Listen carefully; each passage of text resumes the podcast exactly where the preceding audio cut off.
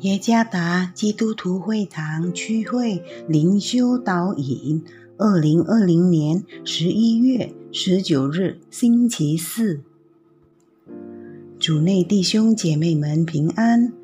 今天的灵修导引，我们借着圣经但以理书第四章二十八到三十七节来思想今天的主题。因自高而降为卑。作者谢新荣弟兄。但以理书第四章二十八到三十七节，这事都临到尼布甲尼撒王。过了十二个月，他游行在巴比伦王宫里。他说。这大巴比伦不是我用大能大力建为京都，要显我威严的荣耀吗？这话在王口中尚未说完，有声音从天降下，说：“尼布甲尼撒王啊，有话对你说，你的国位离开你了。”你必被赶出，离开世人，与野地的兽同居，吃草如牛，且要经过七期。等你知道至高者在人的国中掌权，要将国赐予谁就赐予谁。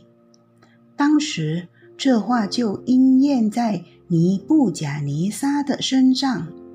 他被赶出，离开世人，吃草如牛，身被天露滴湿，头发长长，好像鹰毛，指甲长长，如同鸟爪。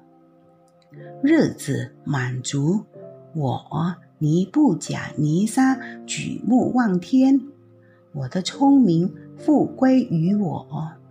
我便称颂至高者，赞美尊敬活到永远的神。他的权柄是永有的，他的国存到万代。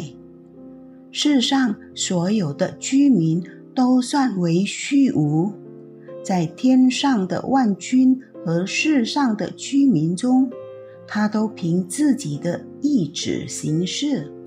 无人能拦住他手，或问他说：“你做什么呢？”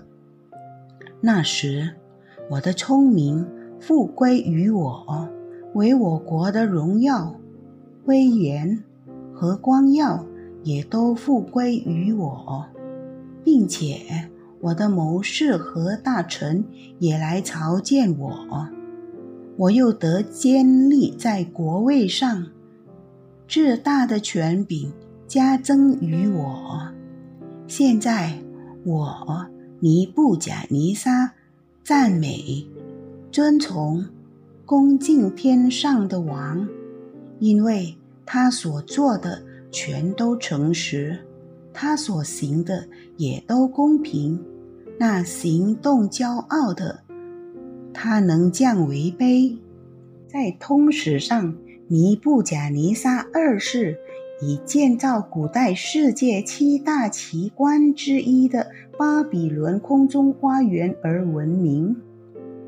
他是著名的汉谟拉比国王的孙子。尼布甲尼撒征服了犹大和耶路撒冷，然后把犹太人掳掠。他通常被称为尼布甲尼撒大帝。公元前五百七十二年，尼布甲尼撒完全控制了巴比伦、亚述、腓尼基、以色列、非利士地、北阿拉伯和小亚细亚的部分地区。显然，这种势力造成尼布甲尼撒骄傲或自高。他觉得所有这些都是靠他的能力而成就，且只属于他自己的。当尼布甲尼撒游行在巴比伦王宫上，他说：“这大巴比伦不是我用大能大力建为京都，要显我威严的荣耀吗？”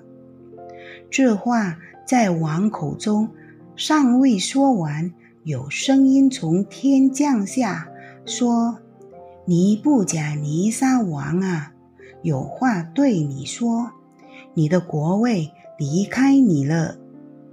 接下去的记录是：尼布甲尼撒的权力被夺走，他变得像个疯子，头发长长，吃草如牛。这持续了七年之久。当尼布甲尼撒承认上帝的伟大之后，他的聪明。复归于他，又得树立国位上，甚至比之前更加辉煌。上帝抵挡骄傲的人，即使是天使，当他们变得傲慢时，也被逐出天堂。这就是路西法。一位感到骄傲并想成为和上帝同等的诗班领袖天使长的经历。我们必须意识到，所拥有的一切都是从上帝而来。在上帝的允许下，我们被托付了世界上的许多事情：我们的资产、权利。工作、服饰、能力、时间，甚至生命，所有这些都应妥善管理，以荣耀上帝。